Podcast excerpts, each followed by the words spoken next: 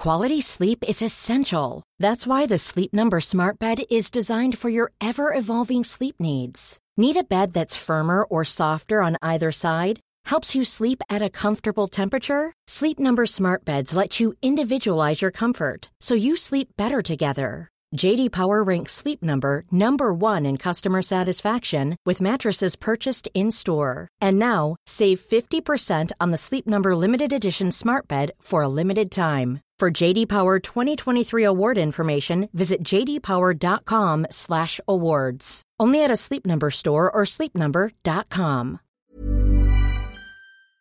Det her afsnit er støttet af Good Habit Company, som gør det enkelt for dig at huske at tage de vitaminpiller, der er mest hensigtsmæssige for lige netop dig. Udover at tilbyde en vitamintest, der sammensætter lige præcis de vitaminer og mineraler, du har brug for, baseret på din livsstil, så er deres produkter udviklet baseret på den samlede nordiske forskning, der bliver kaldt NNR, for at sikre, at du får den korrekte mængde vitaminer og mineraler. Desuden har de en virkelig smart abonnementsservice, hvor de virkelig ikke prøver at bundefange dig på nogen måde. De gør det nemt for dig at afmelde dig, og hvis du er utilfreds med produktet, kan du endda få pengene tilbage for den sidste måned. Så hvis du har overvejet at begynde at tage vitaminpiller, så synes jeg, at du skal tjekke Good Habit Company ud. Din personlige startpakke den kommer med deres flotte glasbeholder, så du kan have den stående fremme og faktisk huske at tage dine vitaminer. Du kan besøge deres hjemmeside og tage deres vitamintest. Det tager kun 4 minutter. Og du kan bruge koden MINDCARE for at få 20% rabat på de første tre forsendelser. Og den rabat kan du faktisk godt kombinere med de 20% rabat, du allerede kan få ved kvartalsvis bestilling. Og dermed kan du altså opnå 40% samlet rabat.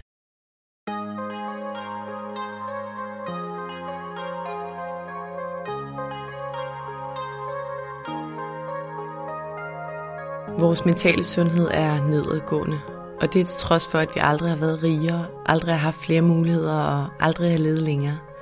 Det skal vi tale om. Vi skal tale om alt det, der fylder inde i os. Min erfaring er, at når vi taler højt om de ting, så opdager vi, at der er mange andre, der bøvler med de samme ting. Jeg tror på, at vi kan lære af og inspirere hinanden ved at dele vores sårbarheder, erfaring og viden. Velkommen til Vores Mentale Sundhed, en Mindcare Collective podcast, hvor vi taler om store og små ting, der fylder inde i relateret til mental sundhed. Jeg håber, at du vil lytte med, og at du følger med på min Mindcare Collective profil på Instagram, hvor jeg deler indhold til refleksion, motivation og inspiration. Jeg hedder Lea Helmand. I afsnittet i dag har jeg besøg af Ida Moldrup Svensen – Ida taler højt om nogle radikale valg, hun har taget i sit liv i starten af sine 30'ere, både i forhold til sit privatliv, men også karrieremæssigt. Jeg synes både, at Idas historie den er relevant i sig selv, men den er også og især relevant i forlængelse af sidste uges afsnit med erhvervscoachen Iben Bjerring, hvor vi netop talte om, hvad succes og værdi i livet egentlig er. Ida er med sin historie et eksempel på, hvordan hun har taget nogle valg, der måske i nogens øjne er atypiske. Det er i hvert fald nogle valg, der udfordrer det, som samfundet som oftest dikterer som værende en succes. Ida og hendes ekskæreste, faren til deres fælles barn, de valgte i 2021 at gå fra hinanden. Det var en stor beslutning i sig selv, men samtidig så sagde Ida op på sit job for at prøve kræfter med et på mange måder helt andet slags job, end hun har været vant til. Det er også et mindre økonomisk sikkert job, end hun har haft de sidste mange år. Ida fortæller i dagens afsnit om, hvordan hun har været på en rejse, som i sig selv har været enormt svær, men som har bragt hende til et sted, hvor hun er langt mere glad og taknemmelig i livet, og langt mere i kontakt med, hvad der egentlig sker inde i hende. Hvis du kan lide det, du hører og gerne vil høre mere, så er du som altid meget velkommen til at donere et beløb til podcasten via MobilePay 155503. Du kan også se nummeret i tekststykket her under afsnittet i den app, du hører podcasten i.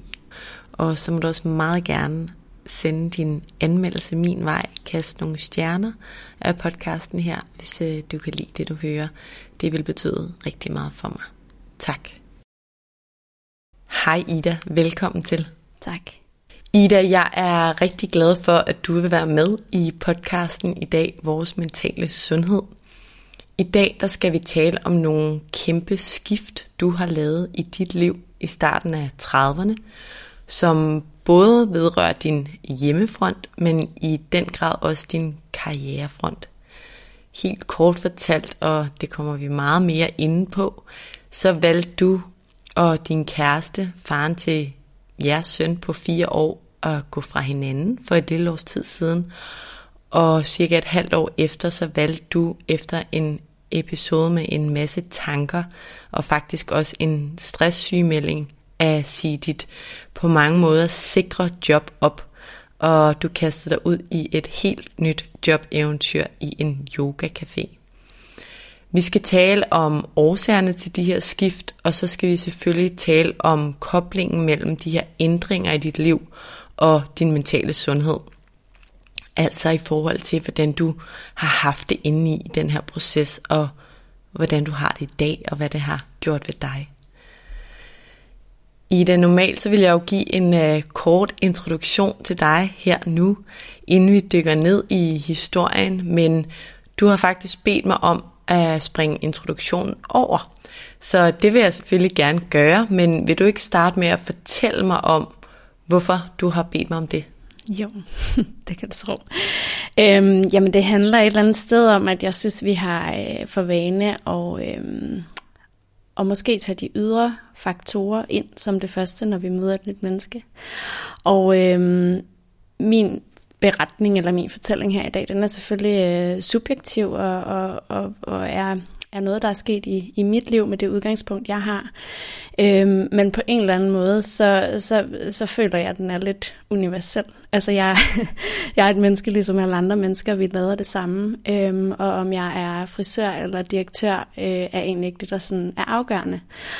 Og jeg kunne bare godt tænke mig, at at møde dine lytter på en eller anden måde, øh, menneske til menneske, i stedet for at, øh, at lade, lade det farve af, øh, hvem jeg er på sådan de ydre parametre.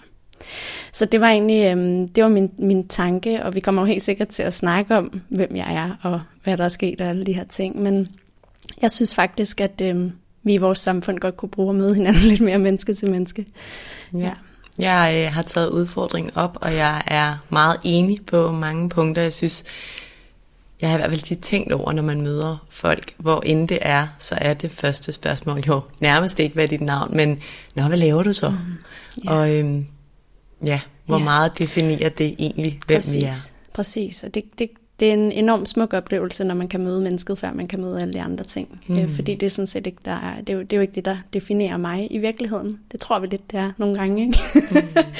Mm. øhm, at, at det er jobbet, der afgør, hvilken type person vi er. Eller, øh, men, men, men, men nej, det, jeg kunne godt tænke mig, at vi bare tager udgangspunkt i, i, i mig som menneske, uanset om jeg er det ja. ene eller det andet. Og den pointe er sammen med din historie meget relevant i forlængelse af det afsnit, vi havde i sidste uge, hvor jeg talte med erhvervscoachen Iben Bjerring netop om, hvad er værdi og hvad er succes. Øhm, og jeg synes, at din historie, den kommer rigtig fint i forlængelse af det, og jeg glæder mig til at høre mere om det og din historie i dag. Ida, hvis vi starter med at tale om hele din jobomvæltning, hvis man kan kalde det det, vil du så ikke starte med at sætte os ind i, hvad der skete i efteråret 2021. Jeg ved, at du har været i proces med dig selv de sidste mange år omkring dit indre liv, omkring hvad der gør dig glad og giver mening i livet. Så kan du ikke starte med at fortælle os om, hvad der afgjorde, at du sagde dit vellønnede, sikre job med en flot titel op. I hvert fald hvis man ser det fra et dominerende samfundssyn. Og du valgte så at blive en del af en yogacafé. Hvad, hvad afgjorde det, og hvad skete der i dit liv der? Ja, hvad skete der i mit liv?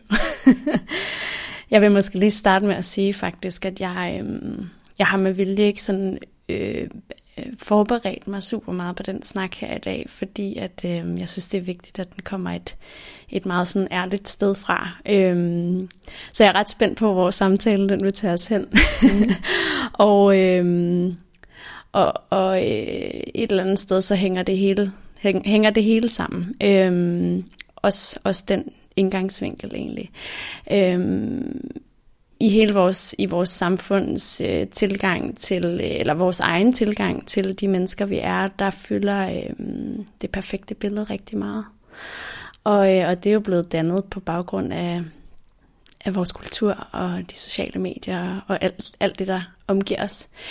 Øhm, jeg er begyndt at stile efter nu og, øh, og leve livet mere med, hvad skal man sige, med impuls, impulsivitet og, og, og åbenhed og, og intuition og stå, stå i det, jeg er. Øhm, og det er noget, jeg har lært nu, efter, efter, efter hele den proces, jeg har været i. Og rigtigt nok så i, i efteråret 2021, der, øhm, der skete der en masse i mit liv, som på en eller anden måde var kulminationen på, på, på mange års øh, proces. Øhm, lige der, øh, der gik jeg ned med stress. Mm. Og øh, jeg, jeg havde følelsen af simpelthen ikke lige at kunne, øh, kunne følge med mere. Øh, jeg havde taget nogle meget store valg på min, på, på, på min private front, og øh, også arbejdsmæssigt faktisk. Jeg troede lidt, at jeg kunne, kunne lave en bro ind til et eller andet nyt liv, øh, og det, det, det kunne jeg ikke rigtig, viste sig. Så jeg, øh, jeg, jeg, jeg blev sygemeldt med stress, og øh, der startede der så en ny proces øh, derfra. Må jeg lige starte med at høre i forhold til det med stressen. Mm. Var det noget, du havde set komme, eller hvordan havde du mærket optakten til det? Mm. Jeg var godt klar over, at jeg var meget stresset. Øh, jeg var godt klar over, at jeg havde lavet nogle store forandringer i mit liv. Øhm, men, men det er jo det, der er et eller andet sted, at vi, vi tror jo godt, vi kan. Og vi tror, at lige om på den anden side af hjørnet, der, øh, der bliver tingene bedre. Lige om lidt, lige om to uger, lige om tre uger. Lige. Øhm, jeg var måske lidt øh, farvet af, at jeg har et meget sådan, positivt livssyn. Jeg er meget optimistisk, øh, og jeg kan godt have det svært, og samtidig have det super godt faktisk. Det er sådan en underlig, underlig dobbelthed på en eller anden måde. Øhm, og derfor så presser jeg nok også mig selv en del, fordi at jeg netop godt også kan have det godt i at være presset, synes jeg i hvert fald selv, tror jeg selv.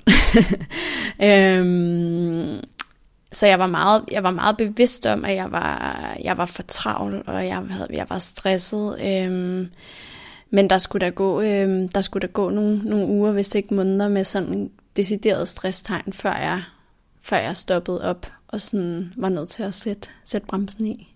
Hvad var det afgørende, der gjorde, at du, du satte den bremse i? Jamen, jeg kunne ikke rumme mere. Altså, jeg var sådan, jeg havde fuldstændig øh, mistet overblikket. Og øh, altså i en arbejdskontekst især. Ikke, ikke sådan i livet generelt. Der var egentlig mange ting, der var begyndt at falde på plads på det tidspunkt. Men nogle gange tror jeg også, at, at kulminationen kommer lidt efter, at vi egentlig har været igennem en masse ting.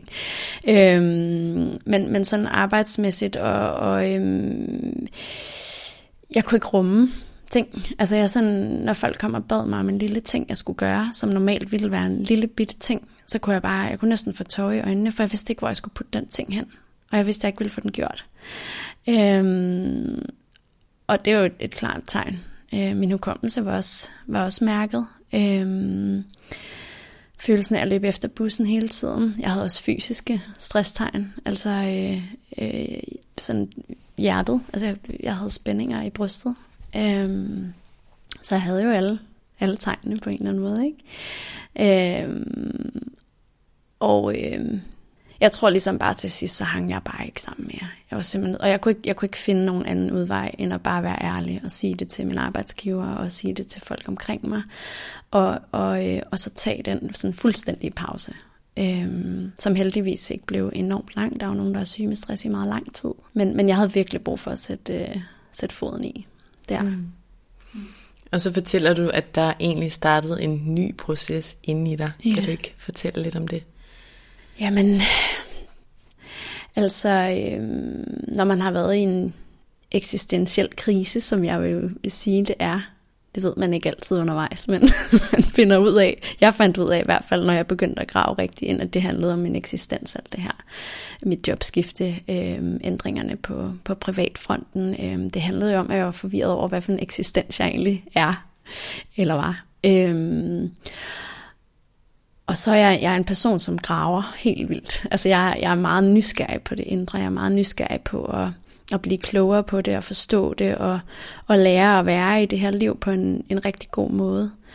Øhm, og gennem alle de processer, som så, hvis man tør at kigge dem i øjnene, når man er i det, og, og efterfølgende, så begynder der jo at dukke nogle svar op hen ad vejen, som ligesom øh, fortæller en lidt mere om, hvem man er, og hvad der gør en glad, og, og, og jeg blev opmærksom på i den øh, tid der lige efter, at, at jeg, har, jeg har været fuldstændig sådan disconnected egentlig. Mm. Et eller andet sted øh, hele mit voksenliv. Ikke? Prøv at fortælle lidt mere om det. Jamen det handler om, at, at øh,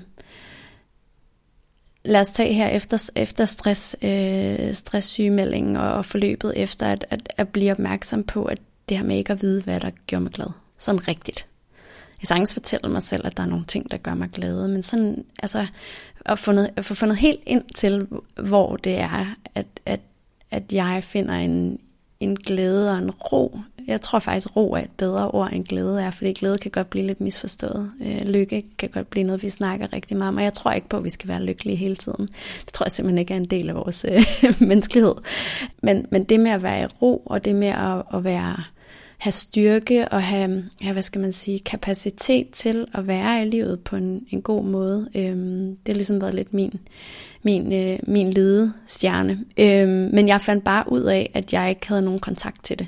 Og øhm, jeg var et stort vendepunkt for mig i forbindelse med min, med min privatfront, og at, at jeg og min, min nu ekskæreste, vi gik fra hinanden. Jeg husker, at jeg sagde til ham en gang, at øh, øh, altså roden var lidt, at jeg jo troede, der var noget galt med ham i forhold til mig. Det er tit der, sådan nogle ting starter. Ikke? Øhm, og jeg sagde til ham sådan, jeg var lidt sur på ham over, at han ikke havde nogen drømme for os. Eller sådan, vi ikke havde nogen drømme sammen. Øhm, og det snakkede vi om, og det galt egentlig hele, hele paletten. Vi var lidt bare i livet. Øh, og det var også, det, det var vi gode til, men, men mm, vi havde ikke nogen, rigtig nogen retning sammen.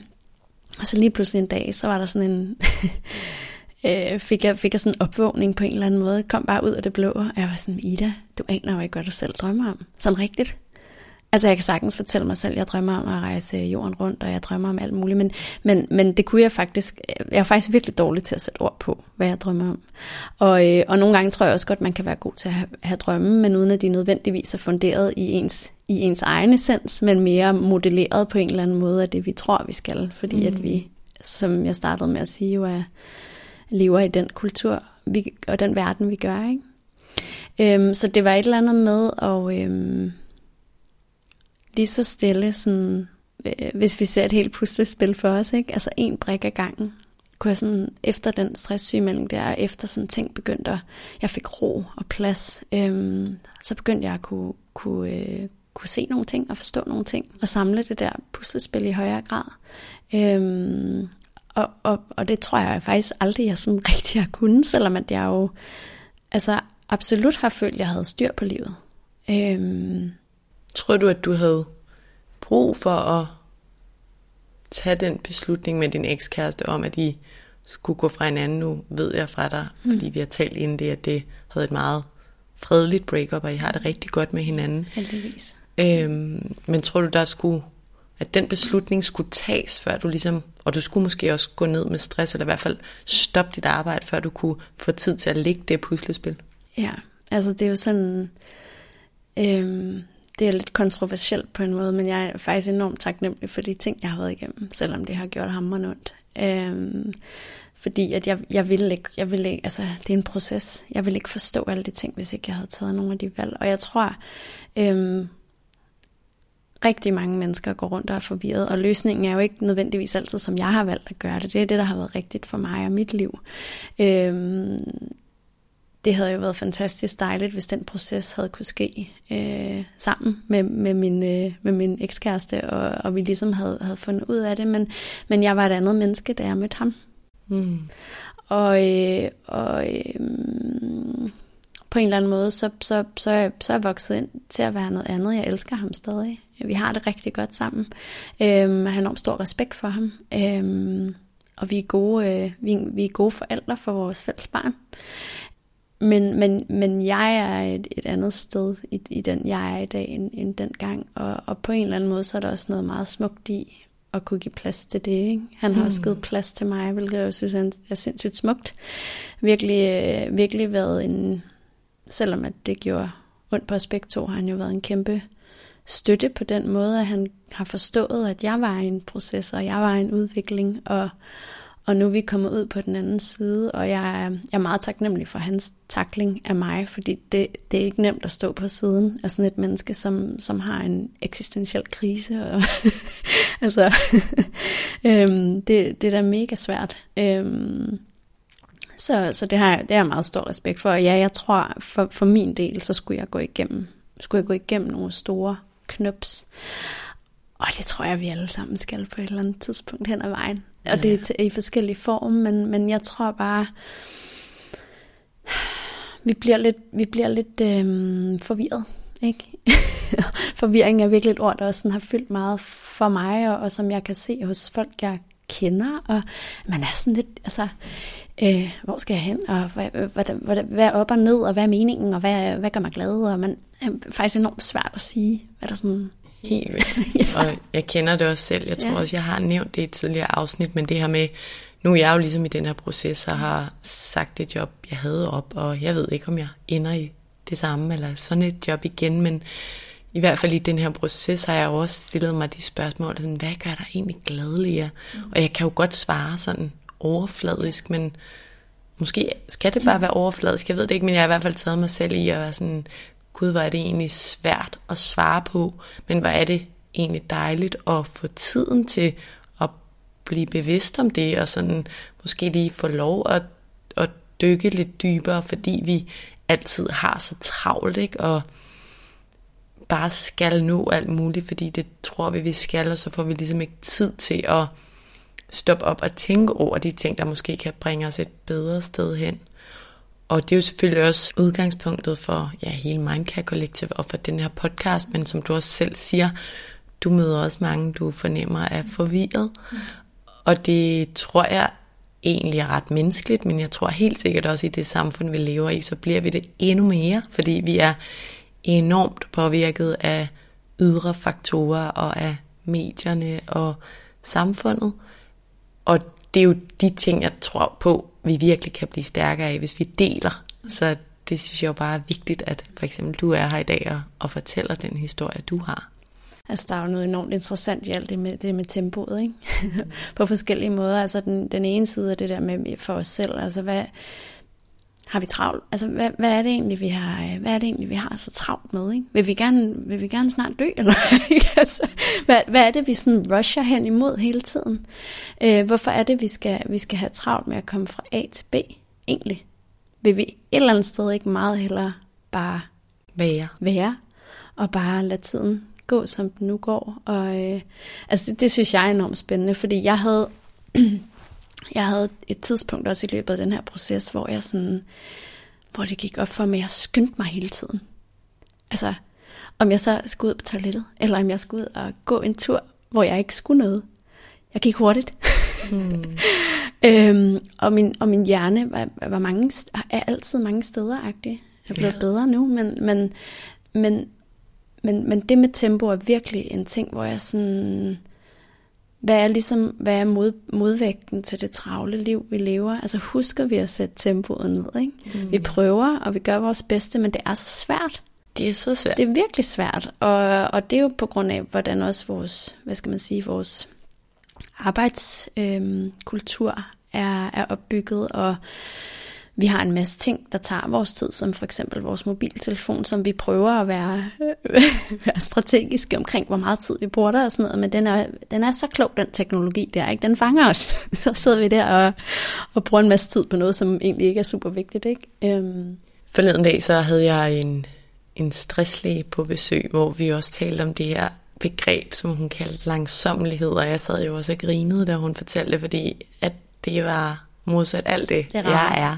Jamen, som hun sagde, altså dine tanker og dine handlinger kan godt være langsomme, og det kan være så godt for dig. Og jeg er netop fuldstændig ligesom dig, jeg har taget mig selv i flere gange, når jeg ser andre lave mad. Ikke alle, men mange veninder, sådan, de gør det bare langsomt, hvor jeg er sådan, wow. Fordi jeg er altid sådan en, så hakker jeg så, du, du, du, og jeg tidsoptimerer, og netop også, når ud af døren, det hele går hurtigt. Hvorfor ikke bare lige Altså jeg øver mig virkelig, sådan nu står jeg bare og laver mad, og jeg hakker kålen lige så stille og roligt. Ja, så, så tror jeg også, der er et eller andet i, sådan at man, øh, lad os sige, man er på arbejde, det er i hvert fald noget, jeg prøver at udfordre mig selv lidt i, i stedet for at starte arbejdsdagen med at tænke sådan, hu, jeg har meget.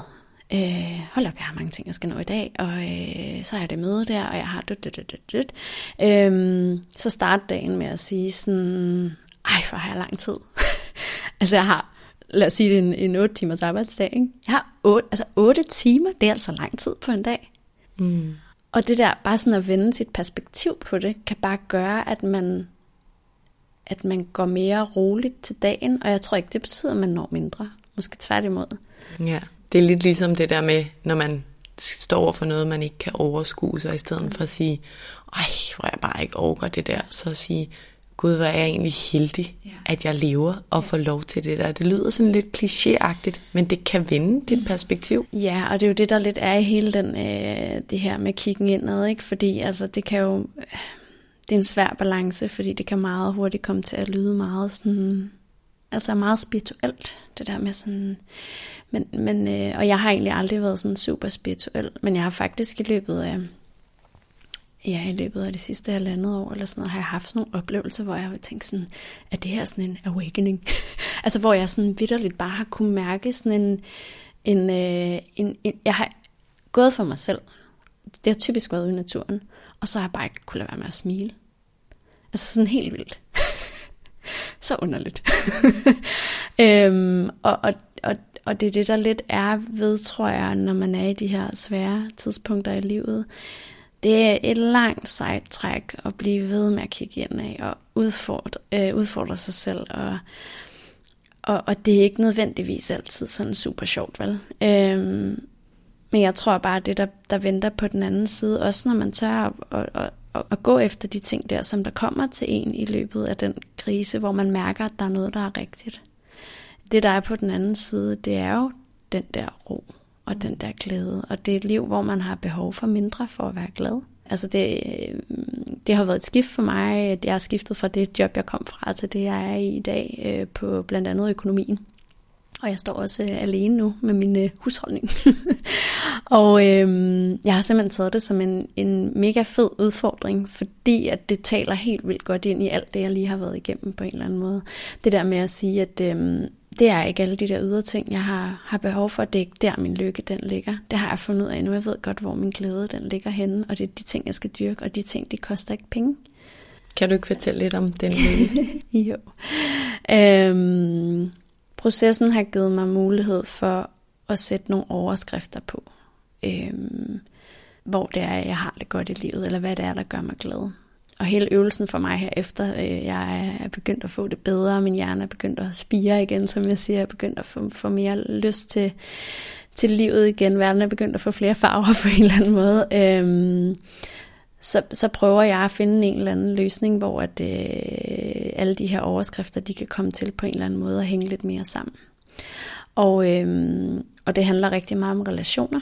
Det kan både være familiært, og det kan være venner øhm, så handler det rigtig meget om aktivitet, altså at bruge min krop. Det handler meget om at, øh, hvad skal man sige, vok- vokse som menneske, altså blive ved med at, og øh, ikke, ikke stå i, i stillstand på en eller anden måde. Altså det var nok det, jeg, det, var, det var nok det, jeg følte, jeg gjorde på et tidspunkt. Og det var sådan, i en meget lang periode var der stillstand, og jeg kunne ikke se, hvordan jeg skulle komme ud af det. Øh, igen sådan eksistentielt på en eller anden måde. Så, så, så lå jeg rodet rundt et eller andet sted, basket rundt i en, en eller anden pøl. og kunne ikke rigtig sådan... Øh, øh, jeg, jeg, blev bare, jeg blev bare ikke en, en bedre version af mig selv. Øh, tværtimod, jeg blev mere grå. Øh, og og, og øh, det der med at, at, at blive ved med at grave. Jamen det, altså, nogen vil nok sidde og tænke sådan, kan man da jo ikke bare være tilfreds med det liv, man har. og, øh, og, og det kan man også godt. Øh, men, men jeg tror bare på, at vores sådan, øh, vi er glade, vi, vi har det godt i livet, når vi føler, at vi ekspanderer, og vi udvider os, og vi forstår at være i, i verden på en, en bedre måde. Det er i hvert fald noget, som nærer mig helt vildt. øhm, så man kan sige, den kombination der med at anerkende relationer mere, øh, anerkende min egen proces på en eller anden måde, i hvilken som helst retning. Det kan også være kreativt. Øhm, og, øh, og, og, øh, og så det her med aktivitet. Øhm, jamen der, er bare, der er bare nogle ting, som er sådan, det kræver, det kan jeg jo, altså, det kræver jo ikke jobbet. det kræver heller ikke pengene faktisk. Øh, jeg har det, jeg skal bruge i mit liv. Og, og, øhm, og det synes jeg bare er enormt smukt et eller andet sted, hvis man kan komme frem til det, at man sådan kan være, kan være glad i de ting, man bare har øh, som, som basen øh, så tror jeg på, at man i det hele taget vil opnå en langt større tilfredshed, uanset hvad for en vej man så begiver sig ud af. Det kan sagtens være, at jeg skal til, tilbage en eller anden gang, og det kan også være, at det er nu, det kommer til at udvikle sig, at jeg kommer til at komme tilbage i mit, øh, hvad skal man sige, businesswoman mindset, men det bliver på en ny måde, som er mere rigtig for mig. Øh, og, og, og på en måde, hvor jeg står ved det menneske, jeg er, og den kvinde, jeg er, ikke mindst. Det øh, lyder jo fantastisk dejligt at komme til den erkendelse, og og vi talte også lidt om det, inden vi, vi startede her, at det her med, det var også noget, jeg talte med Jeanette Frost Ebstrup om i det allerførste afsnit i den her podcast-serie, at sådan det der med, vi har en tendens til at sige, enten trives vi, eller også mistrives vi. Mm.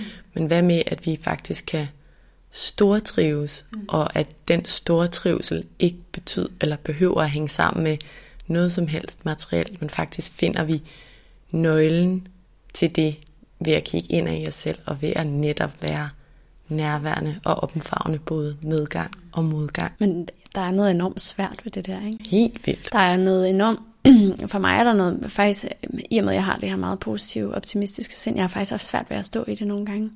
Jeg, jeg, jeg har kunnet mærke nogle gange gennem mit liv, at jeg har pillet mig selv lidt ned. Altså som om jeg ikke helt måtte være så glad. Det, det er jo lidt, øh, det er jo lidt underligt, ikke? Mm. Og, øhm, og, og vi har den øh, ganske velkendte jantelov, ikke? Det der med, at man skal ikke sådan tro, man er noget. Og, og det, det hænger jo sammen med det der med sådan, jamen stortrives, hvad, altså, er man ligesom berettiget til det på en eller anden måde. Men altså, så, så er det bare, jeg sådan kommer lidt tilbage til det der med, at vi har et liv, ikke? Vi har bare det her ene liv. Jamen, hvorfor ikke prøve at stortrives i det? det minder mig lidt om, øhm, jeg har læst den bog, der hedder Det hele handler ikke om dig, af Niels Overgaard. Og han stiller det her spørgsmål med sådan helt grundlæggende. Hvor mange af dine otte oldeforældre, mm. det må du jo sådan principielt have, mm. kan du huske navnet på, og hvad laver de? Mm. Eller hvad lavede de? Mm. Og øh, jeg tror, i hvert fald for mit eget vedkommende, og for rigtig mange vedkommende, så kan man nok huske måske et navn, hvis man er heldig, og man aner ikke, hvad det lavede. Og det er jo ikke for at være totalt negativ, det er bare for at sige, jeg tror, der er rigtig mange, der har en stræben om, at sådan, uh, vil de bare gerne være den nye Nelson Mandela og ændre hele verden, og det ville også være fantastisk, hvis vi kunne det. Men rigtig mange af os, vi, vi, vi når ikke dertil. En ting er sikkert, at vi lever, og vi dør, mm. og vi har det her ene liv, og hvis vi er heldige, så betyder vi noget for vores børn og for vores børnebørn. Mm. Måske også for vores oldebørn.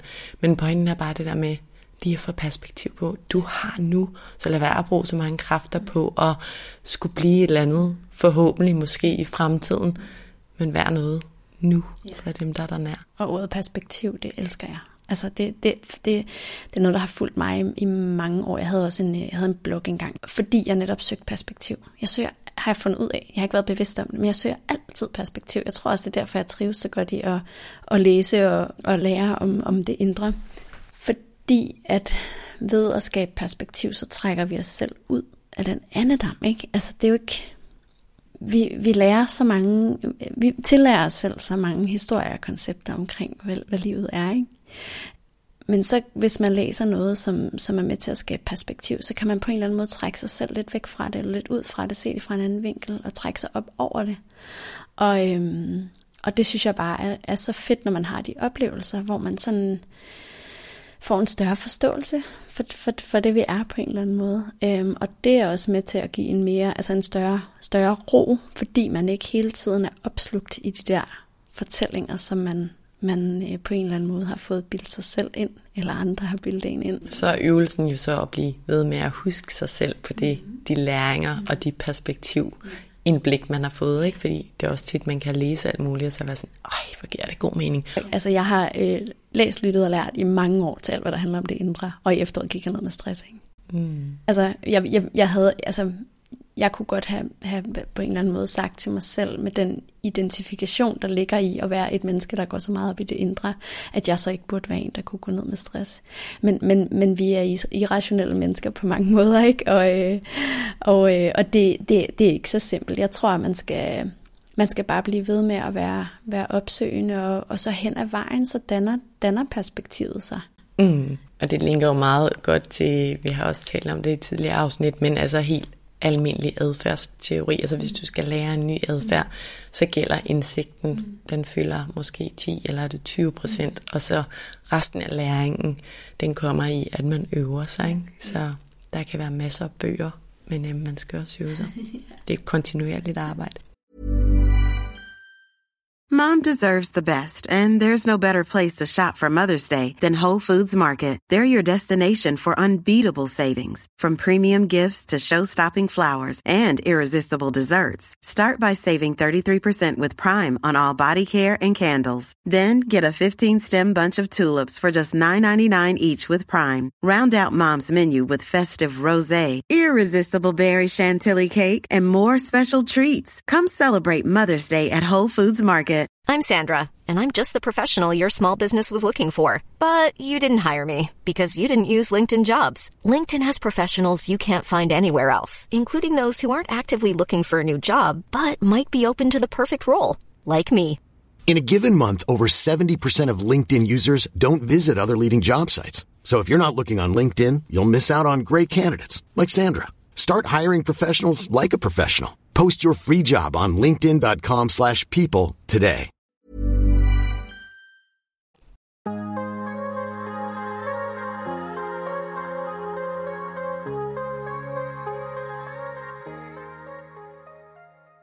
Ida, vil du ikke fortælle mig lidt om, fordi nu lærer jeg jo ud med at sige det her med, at det, det handler om, eller det her afsnit handler om din valg i livet og nogle store nye valg, og vi taler også lidt rundt omkring det, og det synes jeg giver så god mening, men du vælger eller har valgt at gå ind i det her yoga-studie. Mm. Vil du ikke fortælle mig lidt om, hvad dine overvejelser har været til at tage det valg? Jo, nu kan vi måske afsløre, hvad jeg, hvad jeg har, har lavet tidligere, men jeg, jeg har jo siddet i en, i en lidt større organisation, øhm, som øh, Country Sales Director. en, lille, en lille organisation i Danmark, men, men trods alt med en vis portion ansvar og, og, og diverse goder. Som følge af min proces, så blev jeg lige så stille klar over, at øhm, det, det arbejde kunne jeg sagtens finde ud af. Men, øhm, men, men det, var ikke, det har ikke gjort mig glad det hele hænger jo sammen. Jeg har, ikke, jeg har ikke før nu været så bevidst om, hvem jeg er. Og det betyder også, at når, når jeg gennem livet er blevet tilbudt forskellige spændende muligheder, så har jeg grebet dem og gået med dem. Men uden egentlig at vide, hvor jeg skulle kigge at kigge efter inde i mig selv, om det, om det var rigtigt for mig. Så er jeg gået med en masse ting, og den virksomhed, jeg var i, har jeg været med i, i ni år, og de har jo tilbudt mig en masse spændende muligheder. Og, og jeg fortryder det på ingen måde, fordi jeg har fået en masse forretningsmæssig øh, viden med derfra, og, øh, og altså, der, der, der er ikke noget der. Men i bund og grund, så bruger vi bare så mange timer på det arbejde. Og øh, til sidst, fordi jeg var så opmærksom på, på, min, på mig selv og min proces, så kunne jeg godt lige pludselig øh, jeg godt se, at det var ikke, øh, det var bare ikke, det var ikke stedet for mig på den lange bane. Der skulle ske et skift. Og så øh, det her yogastudie, som jeg er kommet til, af et sted, det er også en café, hvor jeg selv er kommet. Jeg boede ude øh, på Sluseholmen, hvor det ligger, og, øh, og det er et sted, som har resoneret helt vildt meget med mig. Så jeg tog fat i hende, der har det. Helt ud af det blå. Og jeg var nærmest der, hvor jeg tænkte, at jeg bare kunne komme ned og stå og lave kaffe. Fordi jeg var bare, jeg var bare så færdig med at, at leve i det traditionelle øh, arbejdsliv på en eller anden måde. Det havde tæret på mig i rigtig mange år. Så jeg havde bare brug for, som du sagde tidligere, tid til lige at, egentlig bare lidt en pause, til lige at være i mig selv og mærke efter. Og øh, vi startede vores dialog, og, øh, og øh, det, det endte med meget hurtigt, at vi nok godt begge to kunne se, at, øh, at jeg skulle mere end at lave kaffe. men, øh, men det er en lille forretning, og, og det er en stor investering at, at, at, at få en fuldtidsmedarbejder ind. Men vi fandt dog frem til et, et, øh, et grundlag, som, øh, som er et grundlag, men som jo også er noget helt andet end det, jeg kommer fra. Og naturligt med det, så kom der en masse tanker omkring, både hvad vil andre tænke, øh, kan jeg klare økonomien? Øhm, jeg synes, det er fedt at være et lille sted kontra et større sted. Øhm, der har været sindssygt mange tanker omkring det. Hvad gjorde du med de tanker? Jamen, jeg, jeg, jeg tror helt sikkert, at jeg havde fundet noget styrke gennem min øvrige proces. Begyndt at blive bedre til at mærke ind i, hvad, hvad der betyder noget for mig, hvad der er rigtigt. Og derfor så, så blev det faktisk øh, ret hurtigt ikke så meget spørgsmål om, om det var det rigtige sted for mig at være, men mere de der sådan øh, økonomien og de lidt mere de der ydre ting. Øhm, og, og, og, og dem brugte jeg lang tid på, på at, at tænke over. Jeg tog meget langt til løb. Altså det gjorde jeg virkelig. Og tankerne, når de kom omkring det, men man kan jo ikke rigtig... Øhm, jeg, jeg tror, jeg er god til at tage en tanke og så bare kigge på den og ikke sådan dømme for meget omkring mig selv, eller altså, øh, men, men, men bare lidt sådan være opmærksom på, at der er, der er et eller andet her, som, som jeg skal dykke ind i og finde ud af, hvad der er. Og så, så går jeg i gang med min indre proces, som jeg altid gør. Så læser jeg, lytter og snakker og, med folk, og prøver ligesom at finde et, et, et fundament for at tage den beslutning, der er rigtig. Selvom det kan være en, en stor og, og på en eller anden måde nervepirrende beslutning, men, men hvis jeg kan mærke den i maven, så, øh, så ved jeg, at den er der. Og så har jeg en stor tillid til, at jeg skal nok finde ud af det. Ja, og du tog altså den her beslutning, mm. og er nu en del af det yoga-studie mm. som kommersiel direktør. Og yoga manager. Nu handler den her podcast jo om mental sundhed, og mere specifikt, hvordan vi går og har det inde i. Hvordan påvirker det os og vores hverdag? Hvordan har det her valg påvirket, hvordan du har det? Du er stadig meget i begyndelsen af din nye rejse, men hvad er det, du mærker, at det har gjort ved dig? Åh, oh, jamen jeg tror, at jeg øh, nu er jeg i stand til at mærke, at det er noget, der er rigtigt for mig. Det har jeg ikke været før. Og det er fordi, jeg har fundet ind til, til noget kerne i mig selv. Så jeg, øh, jeg stortrives. Jeg, har, altså jeg, jeg er så glad for det. Øhm, jeg, øh, jeg er meget opmærksom på, at der er nogle, nogle ting fra min historik og min, nogle vaner, der er opbygget osv., videre, som jeg godt kan se, at selvom jeg skifter rammerne ud, så følger de ting, de kan godt stadig følge med, hvis ikke jeg er ops på ligesom at ændre det. Det kan være noget for eksempel i forhold til, hvordan man øh, arbejder, prioriterer. Øh, alle de her sådan lidt strukturelle ting omkring at være et arbejde, det er lige meget, om jeg er en stor eller en lille virksomhed. Jeg kan altid have travlt. Altså, mm. Det, øhm, så, så der er nogle ting, der jeg er ops på, men, men jeg har fundet hen til et sted, hvor at jeg kan være øh, den, jeg er. Og øhm, et nyt sådan begreb, der er blevet rigtig vigtigt for mig, det er det her med det feminine lederskab, som ikke handler om sådan en eller anden, øh, hvad skal man sige, øh, øh, at vi ikke kan bruge mændene til noget. det handler det slet ikke om. Øh, men men øh, i den gamle organisation, der, der sad jeg blandt øh, mandlige chefer. Og de, øh, de leder på den måde, de gør, det er så fint. Nogle gange, så, øh, som kvinde, så desværre, så passer man sig bare ind på en eller anden måde. Altså man, man, man, man indtager en eller anden form, som passer ind i det. Og øhm, det nye sted her, der er vi et lille team, hvor jeg har mulighed for at være være i mit mere sådan feminine. Jeg, øh, jeg er enormt meget... Øh, jeg har udnævnt mig selv til, til stressambassadør blandt andet. Øh, jeg, jeg bruger sådan coaching og, og øh, dialog rigtig meget med mine kollegaer og, og, og giver plads. Øh, og lad der også være plads til at have følelser, og lad der være plads til at være menneske. Og det, det trives jeg bare så godt med. Altså jeg synes, det er, det, er så, det er så dejligt at kunne få lov til både selv at have den plads, men også at give den plads. Øhm, og så har jeg lukket nogle ting ind i mit liv i forbindelse med at vælge det sted at arbejde. Øhm, det er et sted, som har, har en masse at gøre med yoga og meditation. Der kommer en masse mennesker dernede, som lever i, i det felt. Øhm, og generelt er der bare super meget fokus på at, at, at, at passe på sig selv og have det godt. Og det, det tror jeg bare, vi, det har vi så meget brug for. Så, så på en eller anden måde, så har det været en, øh, en rigtig smuk, jeg vil ikke sige afslutning, for jeg kommer til at være i proces altid, men, men, men det har på en eller anden måde, det, det er en rigtig, en rigtig smuk overgang fra, fra hele den krise, der har været, og alle de svære ting. Øhm, og nu kan jeg mærke, at nu, nu det her med at spire, altså mine idéer spiger, jeg, jeg er mere kreativ, øhm, jeg, har, jeg har lyst til at har lyst til at arbejde igen også, hvilket er dejligt. Så dejligt. Det lyder virkelig til, at det har påvirket dig mm. positivt på det menneskelige plan og på det mentale plan, og jeg håber, der er mange andre, der også kan ende der.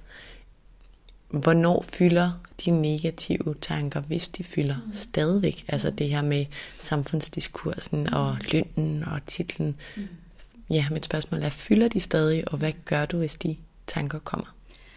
Altså jeg tror, jeg, jeg, jeg sagde det på et tidspunkt tidligere, at, at altså, jeg tror ikke, det er meningen, vi skal være lykkelige hele tiden. Altså det, det tror jeg simpelthen ikke, vi sådan er fra naturens side er indstillet på det. Vel? Så selvfølgelig har jeg også dage, hvor, at, øh, hvor at jeg bliver, bliver øh, i tvivl, eller bliver, bliver usikker. Men tilbage til det med at vise sig selv omsorg, det er ganske naturligt, at lige så snart vi får en tanke, der gør os utryg, så, så, øh, så er den næste tanke sådan, hvordan kan jeg søge noget tryghed i det her, ikke? Og, og der prøver jeg på en eller anden måde bare at læne mig ind i, at det, altså, tingene har det med at, at, at gå sin gang. Det skal nok gå, det her. Hvis jeg er en eller anden årsag, lad os sige, at vi tager udgangspunkt i, i, i økonomien, min private økonomi, kvæg at jeg har gået ind i en anden stilling med en helt anden lønning, det værste, der kan ske, det er jo, at det hænger sammen. Og så er jeg helt sikker på med mig selv, at så finder jeg en løsning, så jeg kan få det til at hænge sammen. Mm. Ikke? Så jeg prøver hele tiden at være sådan... Øh, læne mig ind i livet, og læne mig ind i, at, i min, i min øh, tillid til, at øh, katastroferne er sjældent så store, som vi gør dem til. Vi bygger nogle store, store, store mure op for os selv ikke, i livet, som kan være så svære at, at nedbryde. Ja, det er jo det her med, at man siger, at det, der er nogen, der siger 80 procent, og nogen, der siger 99 procent af vores bekymringer mm. bliver ikke til det, Nej. vi uh, går og tænker, og der er jo faktisk lavet studier på det. Ja, lige præcis. Øhm, og, og, og ligesom at ja, slå autopiloten fra, og, øh, og, og kigge på de der ting, som vi tænker og tror. Mm. Og så netop stille spørgsmål om, sådan, hvad er, altså, hvad er det værste, der kan ske? Helt ærligt, vi, som du startede med at sige, vi, altså, vi lever i et, et, et trygt samfund. Ikke? Øhm, det kan være familie, der kan gribe os. Det kan være, samfundet kan gribe os. Vi har relationer. Altså, hvis man skulle komme derud, hvor tingene ikke hænger sammen, så tror jeg også, man går ind i en eller anden mode, hvor man nok skal finde ud af det. Det er bare vigtigt at blive, undskyld jeg overreder, det er bare vigtigt at blive i den overbevisning, eller i det perspektiv, ikke? for ellers tror jeg i hvert fald, at man hurtigt kan komme til at hvis man allerede har nogle tanker om, åh, hvad med løn, og hvad, med, hvad tænker andre, hvis man så netop går på LinkedIn, eller yeah. lige ser en veninde, som du ved, har taget en helt anden drejning og er blevet VP et eller andet, eller whatever, der nu er sådan objektivt en rigtig høj stilling, så skal man i hvert fald lige være lidt stærk for og disciplineret mentalt, for ikke at sådan, uh, hvorfor er jeg ikke det, eller hvad betyder det for mig, og sådan, det skal man i hvert fald huske, at det kan man jo altså let det, ja, blive påvirket det, det, det, det oplever jeg, og har jeg jo oplevet på første hånd, fordi jeg har valgt både at, øh, øh, hvad skal man sige, jamen at vende hele mit liv på hovedet. Og øh, det tidspunkt, hvor jeg er i livet, som er i start 30'erne, øh, altså nu sidder vi her i dit dejlige hus, ikke, hvor du har din familie samlet. Øh, min familie er ikke samlet nu. Jeg har, jeg har købt en andelslejlighed, men en lille lejlighed. Øh, på den måde kan man, og jeg har også valgt at skifte mit job ud. Øh, så man, man kan vælge at sige, at, at det, det kunne jeg jo godt lade mig holde tilbage af. Ikke? Øhm, men ja. Og sådan kan vi jo alle sammen altid kigge på noget, der er i situationstegn bedre, større, ja. vildere. Ja. Og det tror jeg er meget sjældent, der kommer noget konstruktivt ud af. Nej, altså tilbage til det med at sige, men okay, jeg kan have det største hus og så mange penge, og jeg kan have ikke det. og, og, og, og jeg kan godt finde en glæde alligevel. Mm. Fordi at det ikke, det er fantastisk at have mange ting. Det er jo skønt. Det er bare ikke det, der, definerer, øh, der bør definere øh, glæden, og hvis man kan finde ind til i sit liv, at, at, at det helt simple liv er tilfredsstillende. Hvis man kan sådan stå i det med styrke og, og, og, og ikke blive påvirket, som du siger, af alle de ting, man ser, så har man jo fundet noget, der er tættere på roen og glæden og lykken et eller andet sted, fordi at, at øh, man ikke hele tiden øh, kommer til at hakke sig selv ned og synes, man ikke har gjort det godt nok, eller man ikke er perfekt nok. Ikke?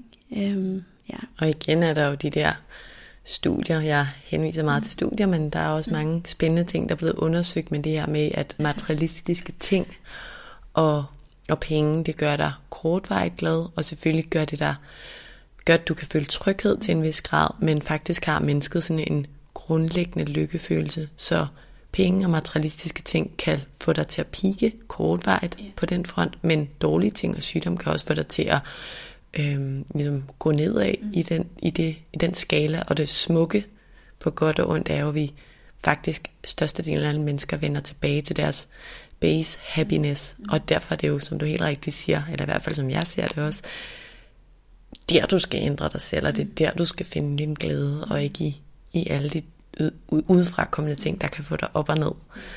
For helt sikkert, der vil altid være modgang og medgang, og ja, som du også siger, tror jeg i hvert fald også på, at vi ikke kan være lykkelige hele tiden. Mm. Fordi hvis vi var det, var det, hvis vi så det var lykke, så var det jo bare vores, mm. vores grundlag. Ikke? Ida, inden vi når til slutningen, så har jeg lige lyst til at spørge dig om, succes for dig. Nu talte jeg tidligere med Iben Bjerring, det nævnte jeg lige før, hvor vi taler med hendes baggrund omkring succes og værdi. Hvad, hvad er succes for dig? hmm. Jeg er glad for, at du spørger egentlig, fordi det er sådan ord, hvor jeg har det sådan lidt... Øh, det er lidt irriterende. Altså, ja, der er, et eller andet, øh, der er et eller andet med det, det ord der. Og, og, og øh, fuldstændig, som vi lige har snakket om, jo, så det er jo, det, er jo, det er jo det, der er problemet, ikke? at hvis succesen bliver målt i vores titler, eller i vores øh, penge, eller i vores ting, eller i vores whatever det nu er på, på ydersiden, hvor er det, man sætter barn for sig selv? Fordi man kunne også godt vælge at sige, at øh, succes for mig, det er, at jeg står op om morgenen og er glad. Mm. Og hvad der, så, hvad der så gør, at du når dertil, altså det er jo, det er jo ja, det er jo så et arbejde, man skal gøre for at, at finde ind i det, men, men hvis man hele tiden sætter en, en, en bare i form af at bruge sy- ordet succes som noget, der er højt ravende på en eller anden måde, eller noget, som er som hele tiden stræber os til at, at accelerere og blive mere og få mere og være mere i det sådan traditionelle form.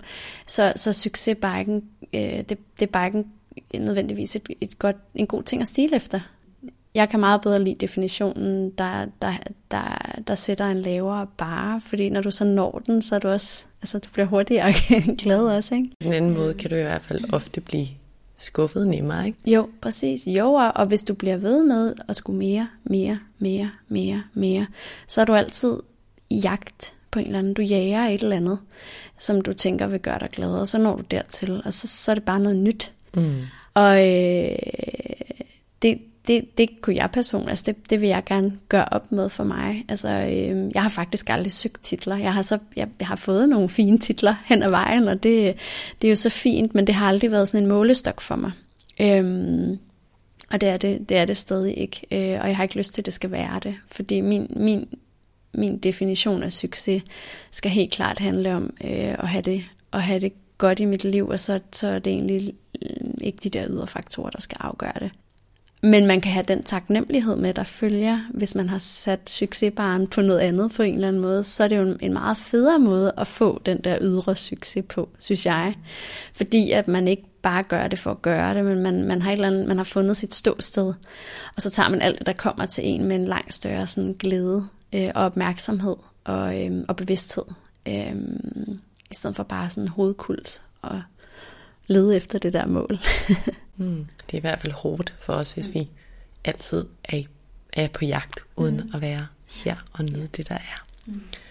Ida, vi er ved at være ved vejs ende, men inden vi stopper, så vil jeg gerne høre dig om, hvilke tre råd eller reminders, baseret på din erfaring, du gerne vil give videre, hvis der er nogle lyttere, der sidder med de samme problematikker og følelser, eller bare nogle af dem, øh, som du gør, hvilke råd skulle de så tage med? Se, der ville det være godt at have forberedt en lille liste. der, der kan være mange ting, men jeg kan jo starte med, og øh, nu ligger der her ved siden af mig, øh, hvad der egentlig bare er en studiekalender, men øh, jeg har skrevet en, en, øh, en overskrift på den, der hedder The Inner Workbook. Øhm, og det er min lille, øh, min lille øh, dagbog, kan man sige. Øhm, ikke sådan, hvor jeg skriver, hvad jeg får dagen til at gå med, men jeg hiver den frem, når jeg har brug for at, øhm, at give slip på en eller anden måde, og, og, øh, og, og formulere og få ned på, på skrift, hvad det er, der sker inde i mig. Og det, for mig personligt, det er det sikkert ikke for alle, men for mig så er det et sindssygt godt værktøj.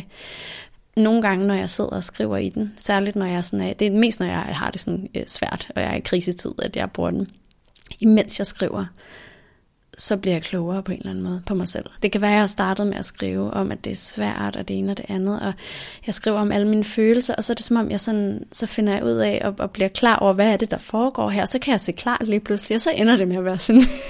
nu er jeg meget glad. Ja, nu, nu har jeg det bedre, fordi mm. jeg ligesom sådan, ah, det, det var det, der lige lå. Så for mig at have et eller andet sted, hvor man helt fuldstændig øh, råt for usødet, øh, kan, kan, kan levere sit indre ud på en eller anden måde. Øh, det, det er et virkelig godt værktøj for mig, og faktisk også at kigge tilbage i. Øhm, nu læste jeg den lige lidt igennem her, inden vi skulle lave podcasten i dag, og det er så interessant for mig faktisk at se, hvad for en proces det er, jeg har været i, fordi man glemmer det. Og også at se det her med, at, øh, at det er totalt rutsjebane. Ikke?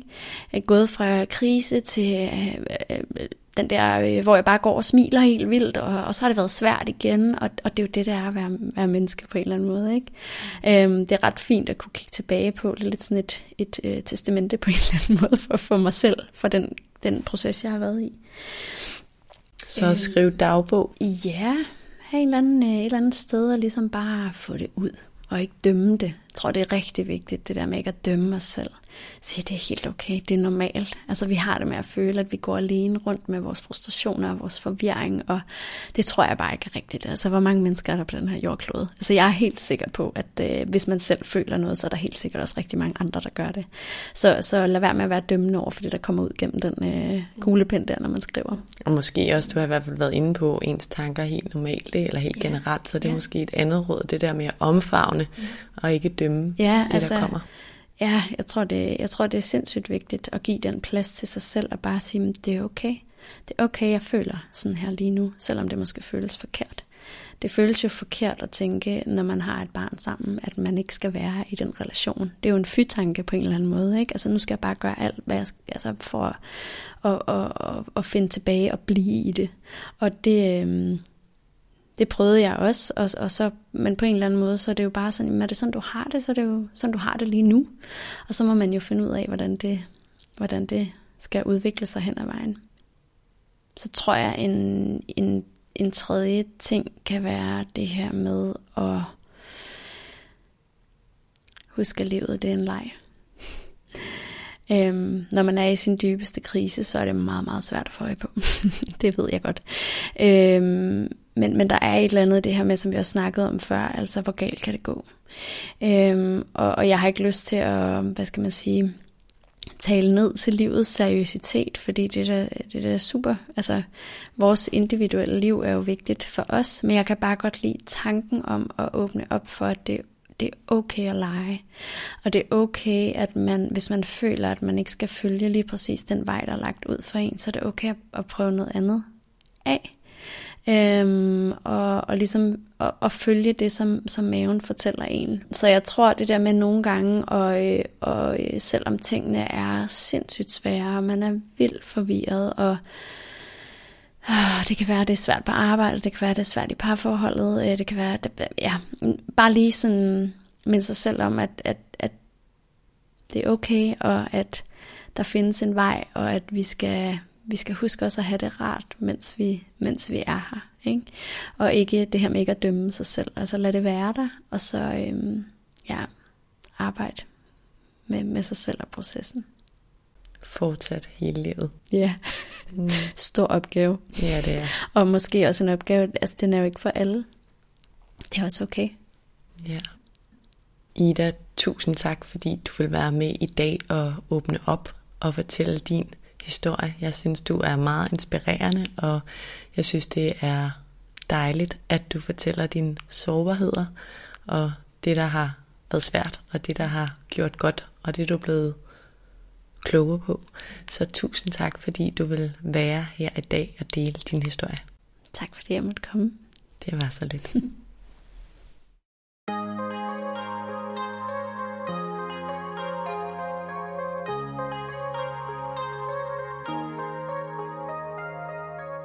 Jeg tror, at mange af jer er enige med mig i, at Ida hun har fundet frem til virkelig mange kloge og værdifulde perspektiver på livet.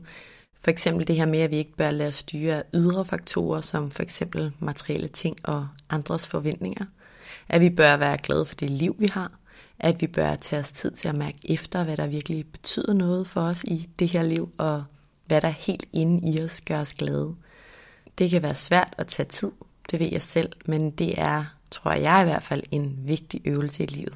Jeg kan også godt lide Idas point om, at vi skal passe på med ikke at ryge ind i det her arbejdshjul, hvor vi får mindre tid til det, der reelt har betydning for os, som for eksempel at dyrke vores nære relationer – de fleste af os har selvfølgelig brug for at tjene penge, men Idas historie er et godt eksempel på, at vi alle sammen formentlig kan skrue på nogle ting i vores liv, så vi faktisk kan have det fantastisk, selvom vi tager et job med for eksempel en langt lavere løn, end vi har været vant til. Vi har tit en tendens til at være drevet af højere løn og titler, men vi skal bare huske, at de ting kun har en kortvarig effekt på vores grundlæggende glæde, ligesom andre materielle ting i øvrigt har. En grundlæggende langvarig glæde, tror jeg, i langt højere grad hænger sammen med den måde, vi er i livet på, og den måde, vi møder livet på. Både de gode og de dårlige ting. Som vi også har været inde på i andre afsnit, så tror jeg på, at en grundlæggende langvarig glæde i langt højere grad hænger sammen med den måde, vi er i livet på, og den måde, vi møder livet på. Både de gode og de dårlige ting. Og så vil jeg gerne lige gentage det spørgsmål, Ida stiller sig selv, når hun bliver i tvivl om sin valg, som er, hvad er det værste, der kan ske?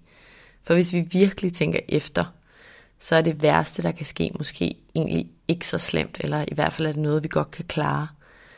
Vi skal i hvert fald passe på, at vores tanker og bekymringer ikke kommer til at være dem, der står i vejen for, at vi tør tage nogle nye valg i livet. Nogle valg, der måske ender med at føre os et sted hen, hvor vi faktisk får det endnu bedre. Hvis du gerne vil høre mere om Idas historie, og måske mere specifikt omkring, hvilke tanker Ida har gjort sig om sin egen rejse i forhold til sit indre liv, hvilket hun har brugt ret meget tid på, så kan du læse den artikel, Ida har skrevet til Mindcare Collective. Du kan finde den på hjemmesiden.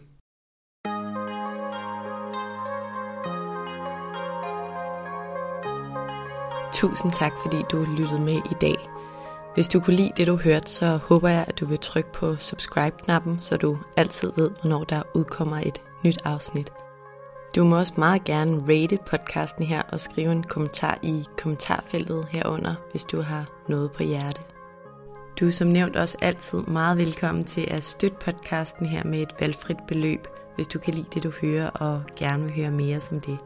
Det kan du gøre via MobilePay til nummeret 155503 som du også finder i tekststykket herunder. Som det aller sidste, så vil jeg også opfordre dig til at skrive til mig, hvis der er nogle særlige emner, du rigtig gerne vil høre om i relation til mental sundhed og til det, der fylder inden i os. Enten fra et ekspertperspektiv eller igennem en personlig beretning. Skriv til mig via min Instagram-profil, Mindcare Collective, hvor jeg i øvrigt håber, at du følger med, eller skriv til mig via min hjemmeside mindcarecollective.com. Tak fordi du lyttede med.